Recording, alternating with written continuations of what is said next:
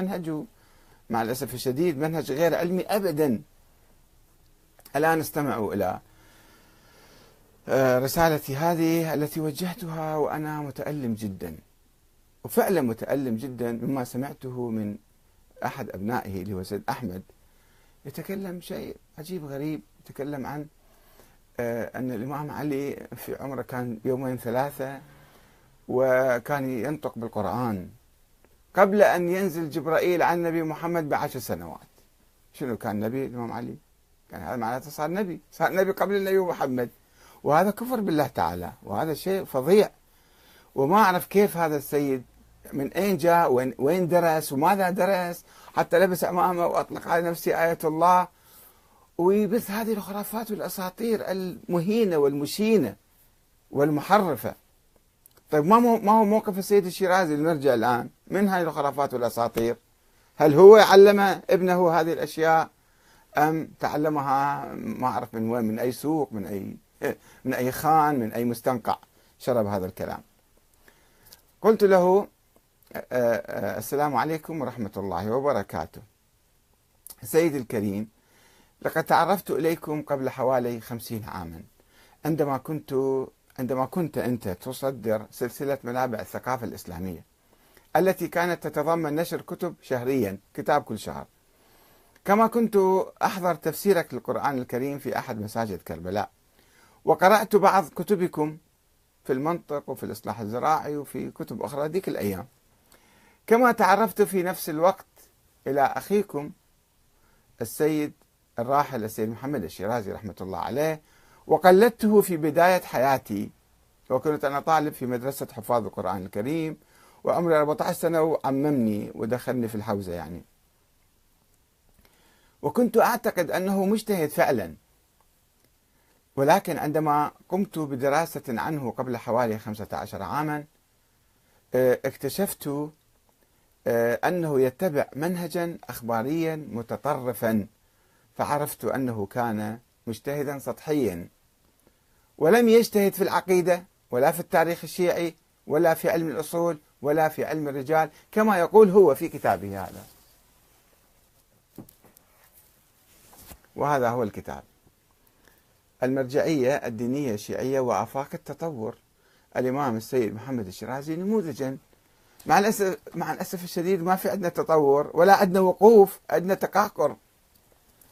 عندنا تقهقر كبير في الأبحاث والدراسات والأفكار والنظريات. ومع الأسف الشديد لم أطلع على منهجكم في الاجتهاد سيد صادق الشيرازي أخاطبه. وفيما إذا كنتم قد اجتهدتم في تلك العلوم الضرورية في التاريخ والعقيدة وعلم الأصول وعلم الرجال. آه، العلوم الضرورية الأساسية للاجتهاد حتى واحد يصير مجتهد ويسموه مرجع يصير مرجع بعدين. ولكني أعرف من صداقتي القديمة معكم أنكم تتعمقون في أبحاثكم وكنت آه، آه، أن ينعكس يعني كنت آمل أن ينعكس علمكم ومنهجكم في الاجتهاد على الأقل على ابنكم أحمد.